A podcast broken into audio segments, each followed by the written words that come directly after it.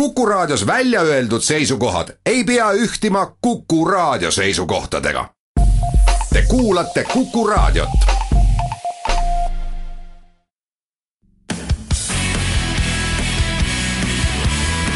Delfi kiirtund. Delfi kiirtund, kiirtund tere kuulamast Delfi kiirtundi, täna teie ees Andres Vaher, Argo Ideon, Hendrik Kuusk ja mina, Ott Eiland. alustame, teeme hästi kiiresti, lihtsalt mainime, et siin on kaks, kaks võib-olla sellist põnevamat teemat eh, tulnud eh, just niimoodi hiljuti, kindlasti käisid ka uudistest läbi, aga kapo puistas Eesti Raudteed ja kinni võeti siis hangetega tegelev osakonna juhataja ja teine põnev välkuudis on see, et Eerik-Niiles Kross hoiti äh, Tšitšinau lennujaamas üle poole tunni kinni. Nendest kahest teemast ilmselt äh, tänase päeva peale tuleb veel, veel põnevat jätku, aga meie räägime täna sellel nädalal ja noh, mõned teemad siis on ka juba siin varasemalt üles kerkinud, räägime nendest teemadest, mis meile on silma jäänud ja arutame siin üheskoos. Esimese teemana äh, ei saa me kuidagi üle EOK presidendivalimistest. Eh, nimelt siis viieteistkümnendal aprillil selgub, selgub, kes saab eh, EOK uueks presidendiks. Ning eh, noh, senine, senine selline ralli on olnud juba, hakkab sellist täitsa presidendiralli mõõtu välja võtma, et päris, päris USA presidendirallile me vist veel vastu ei saa, kuigi ka omad trambid on siin meil selles rallis. Andres, sina käisid pühapäeval, pühapäeval kuulamas siis äh, Äh, seda istumist, kus olid äh, Erki Nool, Hannes Võrno, Jüri Ratas ja Märt Sults. Sellest on küll natuke aega nüüd möödas, aga kuidas sa seda kooslust seal laua taga tagantjärele meenutad, mis sul sealt äh, kirkamad, kõige kirkamad mälestused jäid? no lisame siis kõigepealt kohe ära, et et sellel debatil, kui seda nii võib nimetada, ei olnud siis kohal Urmas Sõõrumaad, kes redutab kuskil välismaal ja äh, Äh, Jüri Tamme, kes siis tuli, tuli oma avaldusega välja alles eile õhtul. aga too esinemine on, too esinemine oli selline minu enda subjektiivse hinnangu kohaselt äh, kolme tegijamehe ja kahe showmehe äh, võitlus või vestlus või debatt või kuidas iganes seda nüüd tahta nimetada no showmeeste all ma kujutan ette, et sa pead silmas eh, esiti siis äh, Hannes Võrnat ja, ja ilmselt ka Märt Sultsi. et kuidas nende kandidatuuri üldse, üldse nüüd siin äh, suhtuda spordimehena? no spordimehena saab sellesse suhtudagi kahtlemata mitte tõsiselt, kuigi loomulikult äh, konkurss on avalik ja, ja kandideerida võib igaüks äh, ja kes saab siis oma viisteist toetushäält kokku, see on, sellesse saab siis nii-öelda lõplikult suhtuda tõsiselt ja kes ei saa, siis siis noh, loomulikult ma ei arva, et, et see nüüd võiks olla koht, kus kus, kus komejant'i teha, kuigi ma sellesse kategooriasse nüüd liigitaks isiklikult küll viimaste avalduste põhjal küll Hannes Võrno pigem kui Märt Sultsi, et, et no Hannes Võrno on siin öelnud, et ta ei taha isegi palka, kas, kas see no see, see ei ole tõsiseltvõetav jutt, miks ta siis üldse sinna tahab minna või kuidas ta ennast nojah, see on niisugune kahe otsaga asi, et selle, selle järgi võib ka öelda, et Neinar Seli ei olnud tõsiseltvõetav, et et see on selline kõige lihtsam ja labasem populism minu jaoks, et et kui sa ütled ühes lauses, et sa teed esmaspäeva hommikust kuni pühapäeva õhtuni palehigis tööd, ega taha selle eest tasu ja sinu enda, sinu enda ülesanne on siis vaadata, kust sa endale Eh, või leiva peale saad, siis eh, noh, ei allu sa vähemalt loogikareeglitele kui mitte muule, et minu, minu jaoks on see puhas populism ja eks igaüks siis otsustagu mm. -hmm. no tõsi küll, eks ole, Neinar Seliga võrreldes siis seda, kus, kus Neinar Seli palka saab, ilmselt ei pea äh,, pea nagu väga palju mõtlema ja kindlasti ei ole see Eesti Olümpiakomitee, mille, mille rahadest ta elab, eks ole. kuid äh, siiski Hannes Võrno, Kaitseväega on tal ju lõpparve tehtud, et kuidas noh, ma saan aru, et see on populism, aga siiski no see, see, see, kuidas, kuidas suhtuda sellisesse väitesse, et ta teeks selle ilma palgata, see on ju täiesti naeruväärne. jaa, no ma arvan, ma ise arvangi, et, et sellel Võrno ja ka, ja ka siiski Sultsi kandidatuuril ei ole väga palju mõtet äh, peatuda, et äh, et kindlasti või tõenäoliselt on neil kummalgi mingisugused omad, omad toetajad, aga aga vähemalt selles praeguses konkurentsis ma ei näe neil küll kummalgi mitte mingisugust võimalust mm. -hmm. No samamoodi on ka öelnud Jüri Ratas, et on nõus tegema ühe esmaspäevast, esmaspäeva hommikust pühapäeva õhtuni palehigis tööd ja, ja väitnud, et ka on nõus siis Riigikogust ja, ja üldse poliitikast äh, lahkuma, kas kas see, et, et selle EOK presidendivalimised on, on ka poliitikuid, tegevpoliitikuid, kõrgeid poliitikuid niimoodi kaasanud ja et nad on ka selliste julgete väljaütlemistega, ütlemistega sinna sekkunud, on see nagu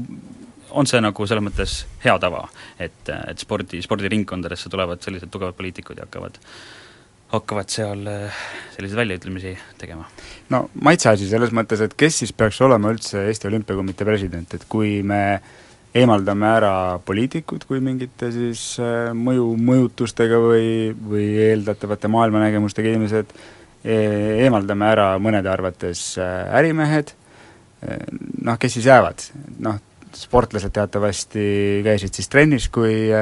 kui haridust anti, et äh, nemad ka justkui ei sobi, et äh, mina iseenesest ei näe siin mingit äh, sellist karjuvat vastuolu, kui kui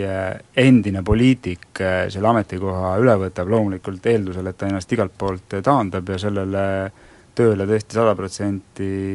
pühendub, nagu ka Jüri Ratas on lubanud teha ja on populismist loobunud, öelnud, et see on tema jaoks põhi, ainuke palgatöö, et noh, loomulikult mingisugused seotused ja ja, ja küsimused õhku sellel tasandil jäävad, aga aga ma ei arva, et see nüüd, poliitik võiks olla välistatud, et ta hakkab Eesti Olümpiakomitee presidendiks kas see tundub ainult mulle või, või praegustel kandidaatidel on hirmsasti lihtne enda, enda kandidatuuri ja kõiki neid äh, noh, selliseid lubadusi nagu praegu püstitada, meil on olnud suur selline rahastamisskandaal siin spordiringkondades ja, ja, ja noh, lisaks siis muu maailma spordist äh, kõik dopingupettused ja kõik, kõik see, et kas praegu, praegustel kandidaatidel on nagu mõnevõrra lihtsam võib-olla tulla sinna äh, presidendirallile ja öelda, et jah, et rahastusega teeme kõik asjad selgeks, pettused dopingud ka, on ju, Eesti spordist juurutame täiesti välja, kas see on ainult praeguse sellise presidendiralli nagu eripära või on see, on see, ongi see presidendirallidele EOK kontekstis nagu omane? no kui me võtame ajaloost näiteid, siis, siis viimasel presidendivalimisel sisuliselt piisas Neinar Sellil ühest lausest, ehk et ta mitmekordistab EOK eelarve ja sellega oli ta sisuliselt valitud, noh, hea küll, ma ei taha sellega praegu väita, et Madis Kallas muude parameetrite järgi oleks olnud äh, parem kandidaat, aga sisuliselt äh, võlus või võlus ta ära siis äh, need sada kakskümmend, umbes sada kakskümmend valijat selle lausega, mm, noh, sisuline konkurents oli kahe inimese vahel, et praegune ametisse saamine on kindlasti oluliselt raskem mille järgi siis lõpuks need valijamehed otsustavad, noh, seda teab, teavad nad ainult ise, aga aga fakt on see, et juba ka praegu viieteist toetushääle saamise ehk kandi-, üldse ametlikuks kandidaadiks saamine on on keeruline, selleks noh, loogika järgi tuleb teha ikkagi sisulist tööd ja, ja ma loodan, et loosungitest ainult ei piisa, et et, et ma näen küll, et see on siis vähemalt viimaste aegade, kui mitte üldse kõigi aegade kõige sisulisem ja, ja tõsisem siis nii-öelda presidendiralli sisuliselt on veel kaks nädalat jäänud selleks, et,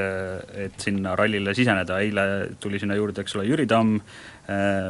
mida sa arvad, kas võib veel olla kuskil kivi all keegi peidus, kes jõuab, jõuab sellega liituda? no ei taha kuidagi uskuda, kuigi jah, kui teha nüüd natuke matemaatikat, siis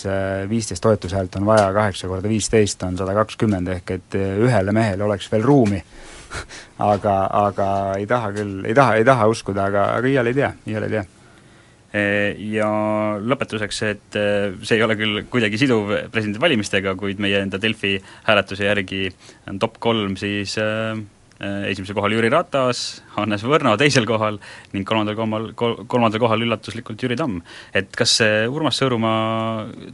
kes isegi näiteks meie hääletuse järgi kuskil täiesti taga, tagumises otsas, see, et ta pole üldse pildis olnud, kas see võib tema šansse kuidagi vähendada? raske, väga raske öelda, et selge on ju see, et nad kõik teevad äh, reaalset tööd ikkagi valijatega, mitte Delfi ega ühegi teise lugejagrupiga, et äh, väga raske on öelda, kuigi noh, ma ise arvan, et, et kasuks ei tule, et mitte üldse, üldse mitte pildis olla, siis ütleme meediaruumis, aga aga see ei ole kindlasti mitte esimene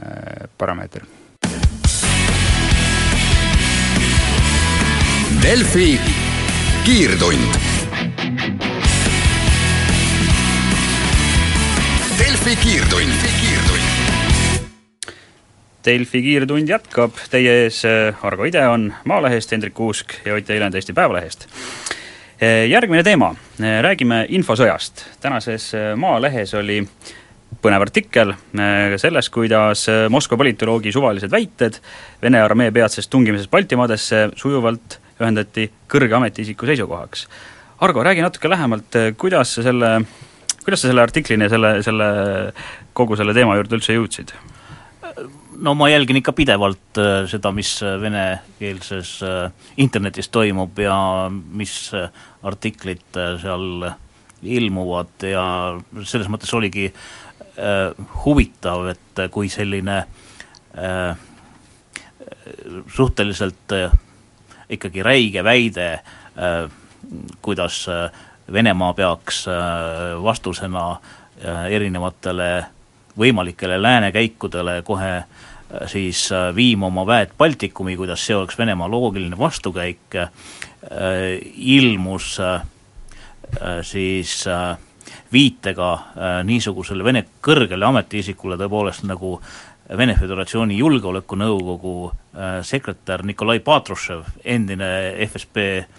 direktor hulk aastaid ka ütleme, väga tuntud inimene Venemaal, äh, et kui see oleks tõesti nii olnud, äh, see oleks ikka pidanud tekitama vähemalt sellise diplomaatilise skandaali, kui mitte, mitte, mitte, mitte rohkemat. Äh, aga teeme ka, teeme ka kohe selle, eks ole, selgeks, et see oli ju äh, Lätis tegutseva venekeelse portaali vesti.lv veergudel ilmunud siis, eks ole, looga. Äh, jah, selline lugu seal ilmus, aga selle võtsid kohe üle ka mitu äh, muud äh, venekeelset siis internetiruumis tegutsevat saiti ja küll suhteliselt tundmatud äh, minu jaoks noh, see venekeelne internet on ju tegelikult äh, võrreldes eestikeelsega ikkagi oluliselt suurem ja laiem, seal äh, sageli on palju keerulisem leida ka nende äh, lehekülgede taustast midagi, et kellele nad üldse kuuluvad või äh, kes neid levitab ja igasuguseid äh, kahtlase väärtusega lehekülgi on seal ka oluliselt äh, rohkem kui siin meil, aga no igal juhul see hakkas levima, see hakkas levima ka sotsiaalmeedias, äh, sealhulgas eestikeelses sotsiaalmeedias, äh, mitte üks ja, või kaks, vaid rohkem küllalt tuntud nimega kommentaatorid või analüütikud meil ka noh, säutsusid selle kohta äh, nii Twitteris kui kas sa tahad ka nimesid, nimesid siin nimetada? ma ei hakka nimesid nimetama, sellepärast et äh, noh, lõpuks see pole väga tähtis ja mm -hmm. ke-, kes sügavamalt huvitub, leiab need tweetid tegelikult ise üles. Aga no lihtsalt tõepoolest noh, selles mõttes, selles mõttes kummaline, et kui see on, igasuguseid väiteid ju võib olla, eks ole, võidakse öelda, et tuumasõda äh, al-, alg-, algab ja ja on tõenäoline ja kui seda väidab BBC, eks ole, nagu ta tegi selles dokfilmis, siis äh, on see kahtlemata, ütleme, tähelepanuväärsem, kui et seda väidab mingi täiesti suvaline inimene tänavalt. Ja sellepärast äh, oligi ka oluline see minu jaoks, et teha selgeks, et kust see Paatrusi väide siis äh, või temale omistatud väide siis tegelikult nagu pärineb, äh, kuidas see nagu liikuma läks ja noh, ma küsisin siis seda ka sellesama Läti portaali peatoimetajalt, et mis, mis asjaga on nagu tegemist, äh, kes on see ekspert, kellele nende materjalis viidatakse, ja te, tema vastus tegelikult oligi, et ikka, ei, see on ikkagi seesama Patrushev, et Äh, aga, aga tegelikult, kui äh,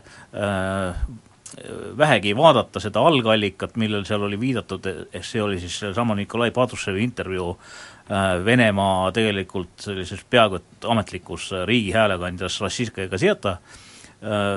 selles intervjuus mitte midagi sellist ei leidunud, seal isegi ei olnud ainsatki viidet tegelikult Balti riikidele mingis, ka mingis muus kontekstis äh, noh, tegemist oli sellise äh, ülevaatega äh, Venemaa uuest äh, julgeolekustrateegiast, milles küll noh, tüüpilise sellise Moskva retoorika abil siis räägiti, kui halb on NATO, kuidas NATO Venemaad ohustab, aga noh, mingisuguseid selliseid avaldusi nagu selles vesti.lv portaalis ja mujalgi hakkasid levima, seal tõepoolest ei esinenud. aga siin ongi, ongi nagu minu jaoks hästi selles mõttes huvitav, et see väide, eks ole, jõudis noh, nagu me juba siin saime aru, on ju, läbi, läbi noh, täiesti müstilise teekonna sinna Läti, Läti portaali veergudele ja, ja selge, et seal selles mingit, mingit alust ei olnud. ja see ei olnud, see ei olnud ka siis nii-öelda see ei olnud ka päris ta-, tavapärane sellele keskmisele, keskmisele halvale või noh, siis NATO-t halvustavale Moskva retoorikale. et kas, kas sa seda lugu uurides, seda kirjutades, said sa sellest ka aru, et kuidas kuidas see ikkagi, kelle siis nagu soov oli sellist väidet sinna kokku kombineerida? ah, mulle tundub tegelikult, et kõige tõenäolisem on, kõige tõenäolisem on alati ju oletada kõige lihtsamat äh, nagu asja. Ja mulle, mulle tundub, et äh, kuigi äh, see vesti.lv ei ole mingisugune marginaalne kanal, nii palju kui ma sellest Läti meediapildist aru saan, see on venekeelse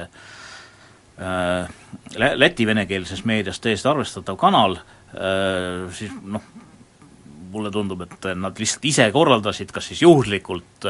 mingi, mingi segaduse, seal tundub, oli kokku kopeeritud erinevatest äh, Äh, intervjuudest siis mater-, materjali äh, aga tõepoolest äh, siis sellisel kombel, et mulje jäi täiesti selline, et kõik, mis kirjas on omistatud sellele samale Vene Julgeolekunõukogu sekretärile, kui siis hakat-, hakata nagu otsima seal erinevate lausete ja ja no ütleme, tekst, teksti järgi äh, inter-, internetis, siis noh, ei läinud kaua aega, kui võis leida, et et äh, see osa, mis äh, rääkis siis äh, väidetavast sissetungist Balti riikidesse, kuulus hoopis ühele teisele Moskva politoloogile, kes siis andis küll ka mõneti sellesama Patrussevi intervjuu ajendil kommentaare mingisugusele muule saidile, need olid siis oma nagu kokku pandud kuidagi seal ära seotud ja ja noh, tegelikult see asi tekitas seal ka päris palju laineid,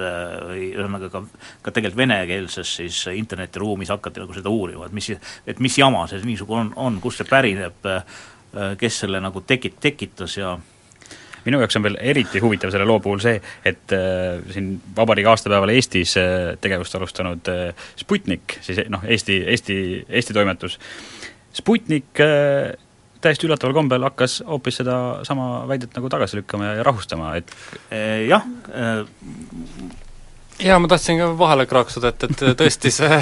kogu see lugu ei, ei kõla nii, nagu see oleks, ütleme, tahtlik Venemaalt mõjutatud tegevus, vaid see pigem lõhnab selliseks nagu halva või pahatahtliku ajakirjanduse järgi,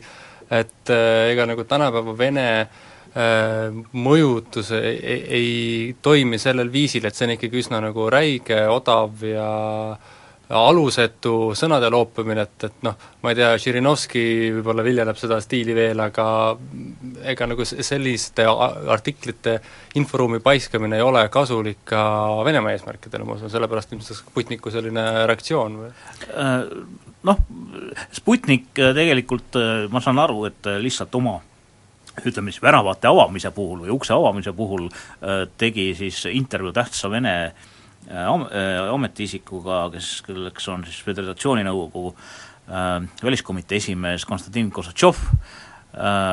tuntud poliitik, mäletatavasti tema kõne oli kahe tuhande kaheksandal aastal see Han Tõõman-Siiskis soome-ugri kongressil, mille peale siis marssis Eesti delegatsioon eesotsas Äh, president Toomas Hendrik Ilvesega sealt äh, ürituselt välja. Äh, et Kossatšov on väga tuntud, tuntud tegelane ja nüüd ta, ta oli kaua Riigiduumas, nüüd ta on siis Föderatsiooni Nõukogu väliskomitee esimees ja noh, sellised rahustavad avaldused tema suust siis peaksid nagu jääma kõlama. Siin on muidugi üks äh, nüüd äh, minu jaoks jällegi noh, põnev, põnev hetk selles mõttes, et äh, kohtunud on kaks põlvkonda, põlvkonda, kes, kes äh, suudab jälgida venekeelset meediat äh, ja, ja saab sellest aru, meie näiteks siin Hendrik Kuusega vastupidiselt oleme sellised noored, rumalad, rumalad noored lääne nalgid, inimesed, kes vene keelest midagi aru kes, ei saa. kes esiteks ei saa vene keelest aru, isegi kui mingisugust, kui isegi peaks kuidagi näiteks meie sotsiaalmeedias läbi kellegi, kellegi, kellegi jõudma midagi, siis me sellest ei saa suure, suure tõenäosusega mitte midagi aru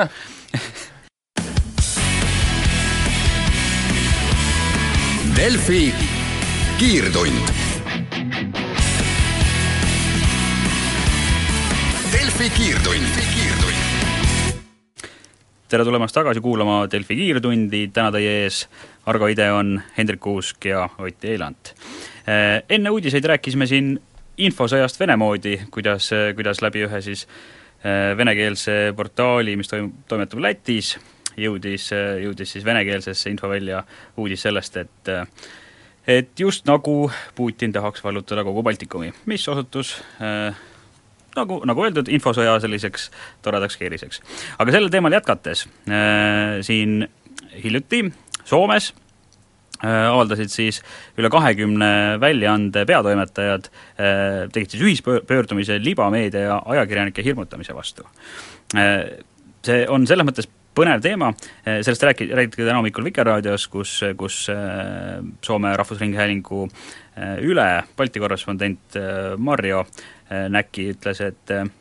et noh, tema arvates, ta kirjeldas selle Soome olukorda ja tema arvates Eestis sellist, sellist valemeedia probleemi ei ole, et sellist, nii tõsist probleemi, et kõik väljaannete peatoimetajad peaksid tulema ja tegema suure ühispöördumise, tema arvates ei ole. Mida teie arvate, kas Eestis sellise vale, valemeedia või, või libameedia, eh, kes siis tõesti täiesti pahatahtlikult äh, väänab, väänab fakte või mõtleb neid lausa välja, kas see on Eestis probleem, kas sellele võib mingisugust äh,, seda saab Eestisse laiendada? no Eestis kahtlemata on olemas ka portaale, mis ütleme siis väljendavad üldjoontes teistsuguseid positsioone, kui seda teeb peavoolumeedia. Noh, alates kesknädalast kuni äh, Telegrammini välja, eks ole, ma küll ammu ei ole lu-, lugenud ega vaadanud, kas ta üldse üldse, üldse tegutseb veel, see Telegram Telegram oli vahepeal müügis. vist oli, vist oli müügis vahepeal, aga on noh, näiteks ju ka EKRE-l on siin oma portaal, mingisugune äh, ühe portaali nimi on vist Objektiiv, kui ma, kui, kui ma ei eksi, ühesõnaga on... need on sellised väljaanded, mis noh, asuvad kuskil teistsuguses voolusängis nad äh, tegutsevad mingite äh, mingisugune muu retoorika, muud äh, väärtused kui sellises, kui Postimehes ja Päevalehes, eks ole. Aga kindlasti ma ei ole küll täheldanud, et rünnataks näit-, näiteks süüdist-, süüdistatakse seal konkreetseid ajakirjanikke väga no tõsiselt, mis ilmselt oli ikkagi üks see oluline kriteerium, miks Soome peatoimetajad tõesti läksid sellist avaldust tegema, sest seal on mõnedes siis internetiväljaannetes võetud just nimelt ette konkreetsed mm, siis peavoolumeedia väljaannete ajakirjanikud ja neid rünnatud. Jah, nagu ma aru saan, siis seal on täiesti, seal on ikka asi läinud nii nätuks, et seal on lausa ähm, täiesti vist isegi vägivaldsed rünnakud olnud ja, ja on, on ka mõned, mõned siis need need liba, libaväljaanded või ka ajakirjanikud, liba, siis libaajakirjanikud, kui nii võib öelda, sattunud eeluurimise alla. Hendrik, kas sina oled saanud sellist, oled sa, oled sa kunagi ajakirjanikuna tunnetanud, et, et sind rünnatakse? väga hea küsimus ma ei tea, kommentaare lugedes küll kindlasti jah, eks ikka vahel. aga sellist päris isiklikku? annab tagasisidet ka isiklikumal viisil, aga selles ei ole otseselt midagi halba, selles mõttes, et meie anname kogu aeg ühiskonnategelastele tagasisidet üsna isiklikul viisil, mis ilmselt neile väga ei meeldi. aga hoopis teine küsimus on jah see, kus, kus see on nagu täiesti põhjendamatu ja, ja tugineb äh, võib-olla siis nagu maailmavaatelistel äh, argumentidel või lihtsalt nagu pahatahtlikkusel, et, et enda tõde oleks, oleks parem kui, kui minu oma või see, mida ma olen äh, oma artikli jaoks siis äh, noh, kuidas öelda, mis on pinnale jäänud, see osa tõest, on ju. no sina oled siin kirjutanud äh, nii siis sellest äh, aita nüüd meelde tuletada, kes siis läbi, tegi siin koostööd EKRE-ga, see oli äh, sellise lastevanemate lastevanemate organisatsioon oli jah, jah., kes, kes äh, ju ajas äh, noh, lehe, lehe, meie leheveergude väitel siis Kremli-meelset poliitikat. et kas sa pärast sellist artiklit äh, ei, ei, ei, ei tulnud sulle keegi isiklikult kallale kuskil tänaval midagi ütlema halvasti? Facebookis öeldi moraalne värdjas, aga sellega vist enam-vähem asi ka piirdus, midagi hullemat ei ole, aga jah, tõesti ajakirjanike suhtes äh, on sellist isiklikku ja ilmselt ka just sotsiaalmeedias pöördumisi küll,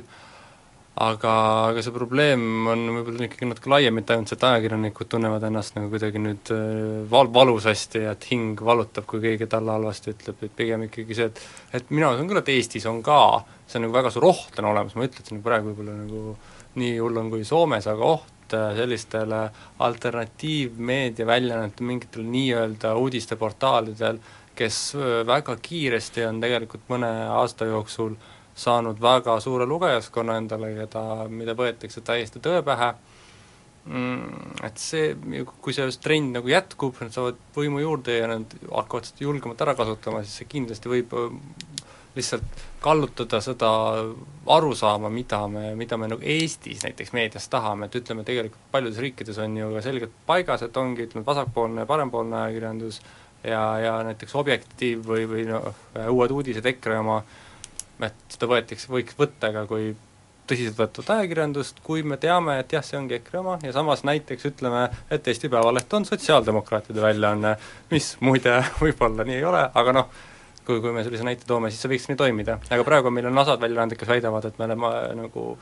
tasakaalustatud ja, ja teised, kes on selgelt ühe erakonna häälekandjad, aga nad ei noh, asi pole isegi erakondades, vaid äh, minu meelest see see võibki ju täiesti nii olla, et, et näiteks Postimehes äh, muide äh, peatoimetaja Merit Kopli oma pikemas intervjuus äh, vist oli see no ERR-i mingisugusel kana-, kanali äh, ütles selgelt välja, et Postimehes on noh, sellise paremtsentristliku maailmavaate kandja aga noh, see, et sealsamas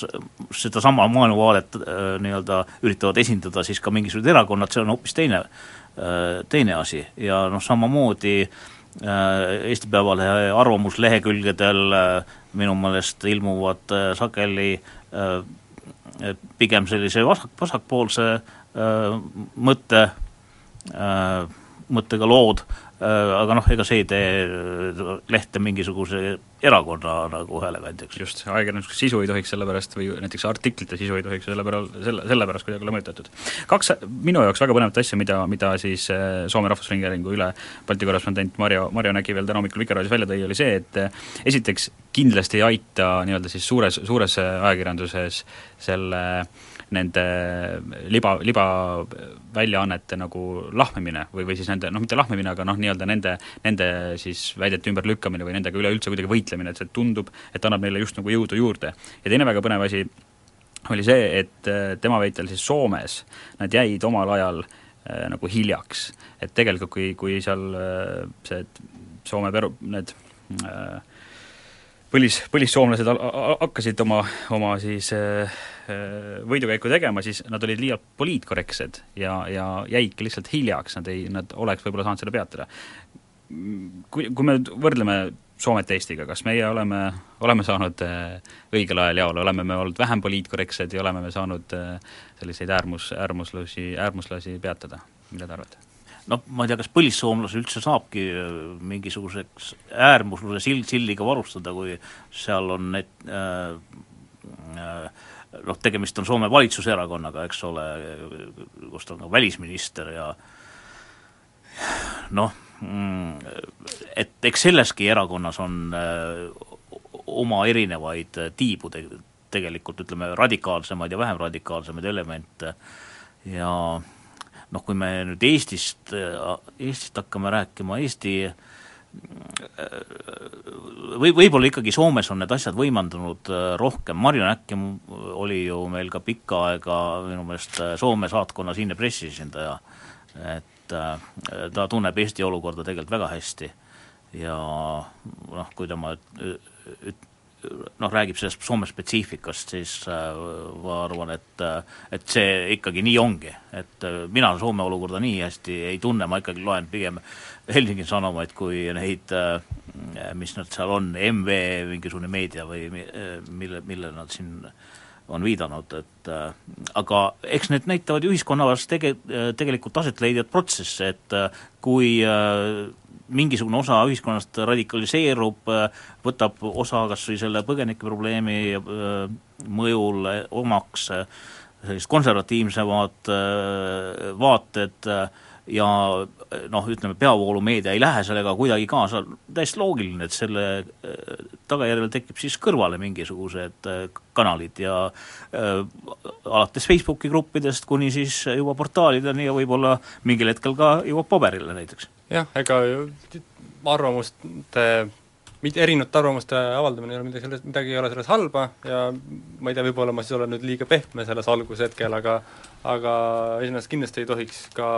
halvustada ja otseselt öelda, et see on vale, mis te teete, et niikaua, kui nad ei kirjuta või avalda otseselt valeinformatsiooni, ei olegi midagi teha ja see on täiesti normaalne, inimesed mida võiks teha, võiks tõmmata ikkagi peavoolumeediasse ka neid äh, selliseid äh, erinevaid äh, seisukohti, noh näiteks Postimehes on ju Priit Pulleris, kes on tuntud selline konservatiiv, samas kirjutab seal kolumne Ahto Lobjakas, kes on selline vabast, vasakliberalismi minu meelest selline noh, noh peaaegu et põhi, põhiline tegija, tegija Eestis, nii et noh, seinast seina täiesti arvu, arvamused kaasamine, kaasamine võiks olla siin üks, üks võtmesõna. selles ongi ilmselt see asi, et, et kas sa suudad äh, natukene tasakaalustada, et kui meil on need väljaanded, mis võib-olla isegi ei valeta otseselt, aga kui nad nagu tambivad ja leiavad maailmast ainult täpselt ühte auku uudiseid, siis nad lihtsalt mõjutavad nagu seda üldpilti, et ilmselt sellepärast on see nii-öelda kuri ja halb sõna peavoolumeedia natukene tasakaalustatum lihtsalt, et äh, jah, aga muidugi isiklikke rünnakuid äh, nagu ajakirjanike vastu ei saa nagu tolereerida, sellega ma olen täiesti nõus. Delfi kiirtund. Delfi kiirtund, tere tulemast tagasi kuulama Delfi kiirtundi, viimane plokk teie ees esitluses koosseisus Argo Ideon, Hendrik Kuusk, Ott Eiland. Eh, Delfi esimene uudis praegu, otseblogi ja pilt, valitsus peab Narvas avalikku pressikonverentsi, kohal on ka hulk kohalikke inimesi. Eh, tahtsin selle kohe niimoodi markantselt ära, ära märkida, sellepärast et ka et ka meil Päevalehes on olnud siin eh, kaks päeva järjest lood sellest siis, kuidas ministrid lähevad Narva valitsuse istungit pidama ja siis üritavad leida Ida-Virule päästeplaani. erinevatel ministritel siin erinevad plaanid erineva agendad ajada ja ka tänases lehes on meil siis äh, reportaaž sellest, äh, äh, mida siis narvalased sellest arvavad, et niimoodi ministrid neil külas käivad ja ka juhtkirjas sai, sai mainitud see, seda, et eh, kuidas, kuidas siis käib, kuidas siis käib Eesti, Eesti-suguses väikses riigis poliitika ajamine, mis mõtteid teki-, teis tekitab selline, selline olukord, et valitsus peab käima mitte noh, et peab käima, aga et valitsus käib nõndaviisi siis äh, erakordse sündmusena, millest on lausa vaja teha otseblogi ja, ja ja kajastada sündmusi, et näete, valitsus peab pressikonverentsi Narvas? noh, osaliselt on see tegelikkus ja osaliselt näivus, selles mõttes osa, noh, see, kus füüsiliselt toimub valitsuse istung, see ei ole ju noh, mingi eriline äh, näitaja, see, et ta Narva viidi, tähendab lihtsalt sellist äh, head äh, siis suhtekorralduslikku käiku, ma arvan. aga eks seda on, seda on ka vaja, noh seda ots-, ei saa ju ka otseselt, otseselt taunida, et valitsus tahab näidata, et ta midagi Ida-Virumaa heaks äh, teeb, äh, noh iseasi, kas siis nendest meetmetest on ka praktilist tulu, aga noh, seda juba saame, saame näha siis Äh, reaalses elus. no aga kas see, kas see ikkagi on hea, hea äh, selline suhtekorralduslik lüke, et äh, teha sellest niimoodi eraldi, eraldi sündmus, et siin tänases, tänasest Päevalehest saame lugeda, et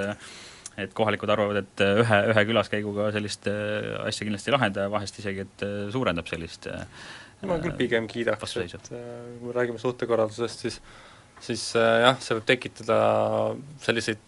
arvamusi, et noh, et ühe korra tulete ennast näitama ja see on kõik, aga see on ikkagi parem kui see, et olete seal kõrgel tä-, mäe otsas Tallinnas ja te ei ole kunagi Ida-Virumaal käinudki, siis me saame vähemalt öelda, et noh, käisime siis on jah küll. teistpidi, et äh, kui, kui kui, kui, kui sa ei näita ennast seal, siis äh, saab ju selle eest kriitikat ja äh, siis näitavad ennast äh, võib-olla teised. aga kas, kas selle näitamisega ei ole see natuke võib-olla nüüd kuidagi viimases hädas nagu hätta jäädud, et noh, lihtsalt et seda oleks võib-olla võinud teha ma ei tea, kvartalis korra juba viimased äh, kakskümmend viis aastat? nojah, et ma ei tea, kas valitsuse istungid peaks nüüd ka siis ringi hakatama sõidutama, nagu need va-, va- vabariigi, vabandust, presidendi vastuvõtte, et iga aasta erinevas kohas no Strasbourg, Brüssel. jah. ei tea, kas, ma ei noh, selles mõttes, et noh, okei okay,, istungi korraldamine on võib-olla iseasi, aga, aga see, et seal kohal käiakse ja, ja ja probleeme üritatakse lokaalselt lahendada, ma ei leia nagu siin nii palju seda irisemise ja vingumise kohta praegu mm. -hmm. aga noh, teine asi, me siin juba eelnevalt tõdesime, et et meie, meie seltskonnas siin kahekesi nooremad ajakirjanikud eh, vene keelt ei oska, kui me vaatame tänasele valitsusele otsa, siis nende hulgas vist selliseid soravaid vene keele kõnelejaid on praktiliselt kaks, kui ma nüüd ei eksi, ma ilmselt, ilmselt siin teised, teised nüüd kindlasti oskavad ka, aga aga just selliseid soravaid vene keele kõnelejaid, et kas kas see on, kas see võib olla narvalaste jaoks või üleüldse Ida-Virumaa jaoks nagu eraldi probleem, et äh, meie kohalikud poliitikud ei suhtle nende keeles? Neile aru saada. huvitav äh, küsimus iseenesest, et ma ei ole niipidi nagu mõelnud, et, et, et kui läheb näiteks meie valitsuse liige, minister külla, et kas siis Narvas oodatakse, et ta peab kõne vene keeles või? või kas siis on halb, kui ta ei pea? tõenäoliselt oodatakse ikkagi, et tegemist on inimesega, kes äh, kellel on võim midagi otsustada, et äh, tegu ei ole äh, ütleme, sel-, sellise ministri või ametnikuga, kes, kes tuleb noh, võib-olla teeb kellelegi pai korraks, ütleb, et sa oled, sa oled väga tore, aga noh, kellel tegelikult ei ole ei voli ega võimu midagi muuta. Pigem ma usun, et ükskõik mis keeles ta, ta kõneleks, aga kui ta ütleb, et homme äh, käivitame sellise programmi, mis, mil, millel on niisugune finantseering ja selle eesmärk ja tulemused peaksid olema sellised, noh, see on äh, midagi konkreetset. et äh, see keel ei ole vast nii oluline, et tegelikult, tegelikult on ju natuke kehv ikkagi, kui seda Ida-Virumaad peab kogu aeg nagu eraldi käsitlema kogu muust Eestist ja noh, temaga tegelikult tegelema kui mingisuguse eriti probleemse kohaga, sest eks Eestis on ju teisigi piirkondi, mis on ikkagi ääremaad ja kus see regionaalne areng on problemaatiline, Ida-Virumaa spetsiifika on olemas, aga noh, päris nagu eraldi tükki nagu Eest-, Eestist nagu välja ikkagi ka ei taha ju tõsta. no selle koha pealt ilmselt võiks ära siduda uuesti meie esimese teemaga, et, et mik-, miks see Ida-Virumaa meile nii oluline on, et kui, kui lihtsalt seesama lihtne küsimus, et kui meie nende inimestega, kes seal elavad, meie oma vähemusega ei tegele, siis ilmselt tegeleb selle vähemusega üks teine riik. Ja, ja väga jõuliselt. Ja sellepärast ta on niimoodi tähelepanu keskpunktis. Ja kui ma nüüd siin Anvar Samasse ei eksi, siis äh, valitsuse pressikonverentsi juhatab meie valitsuse psühholoogilise kaitse äh, kuidas siis öelda, ekspert, ekspert., jah, Ilmar Raag, nii et äh, siit võib ka nii mõningaidki vihjeid välja lugeda. Lõpetuseks ma ei saa kuidagi mainimata jätta, Hendrik, sinu väga toredat reportaaži tänases, tänases lehes, teistsugune, teistsugune siis ekskursioon, sina käisid ekskursioonil Supiköögi Ekspressil ehk siis bussil number viiskümmend üheksa, natukene kirjelda, kuidas see kuidas see on äh, selline, ütleme, sotsiaalne fenomen, ehk siis äh, on juhtunud nii, et kui inimesed tahavad, nendel on vaja süüa suppi tasuta, siis supiköögist siis ja enamasti nad öö, oma päevi veedavad Balti jaama juures, siis täpselt Balti jaamast hakkab pihta üks bussiliin, mis sõidab supiköögi juurde Paljassaares ja selles bussis on pea, ütleme, et üheksakümne protsendi ulatuses siis äh, inimesed, kellel on äh, elus raskusi, kellel on seda supiköögitoitu vaja ja kes äh, kannavad siis ka neile iseloomulikke äh, aroome, mis teeb jutte selle lugusid, käitumismalle, et see on niisugune pisikene, nad on äh, kokku pandud ühte väikesesse kontsentreeritud äh, ruumi, kinnisesse ruumi, mis tekitab sellise nagu omaette maailma nii-öelda, et kui inimestel on vaba aega ja tahtmist, siis äh, arvad kella vahemikus mingi kella üheteistkümnest kella kaheni päeval igal tööpäeval sõita number viiekümne üheksaga, võite tutvuda uute sõpradega, kes on väga altid rääkima sidumaks sidumaks valitsuse ekskursiooniga Narva, Narva ja Ida-Virumaale, siis peagi nii kaugele minema, et kohata, ei pea, kohata probleeme näeb Probleeme. ka, kui valitsuse liikmed tahavad näha oma rahva seas valitsevaid probleeme, siis on jah, palju lähemalt leiab neid. sellega Delfi kiirtund tänaseks lõpetab, täname kuulamast ja ja Delfi kiirtund tagasi järgmisel nädalal. Delfi kiirtund. Delfi kiirtund, kiirtund.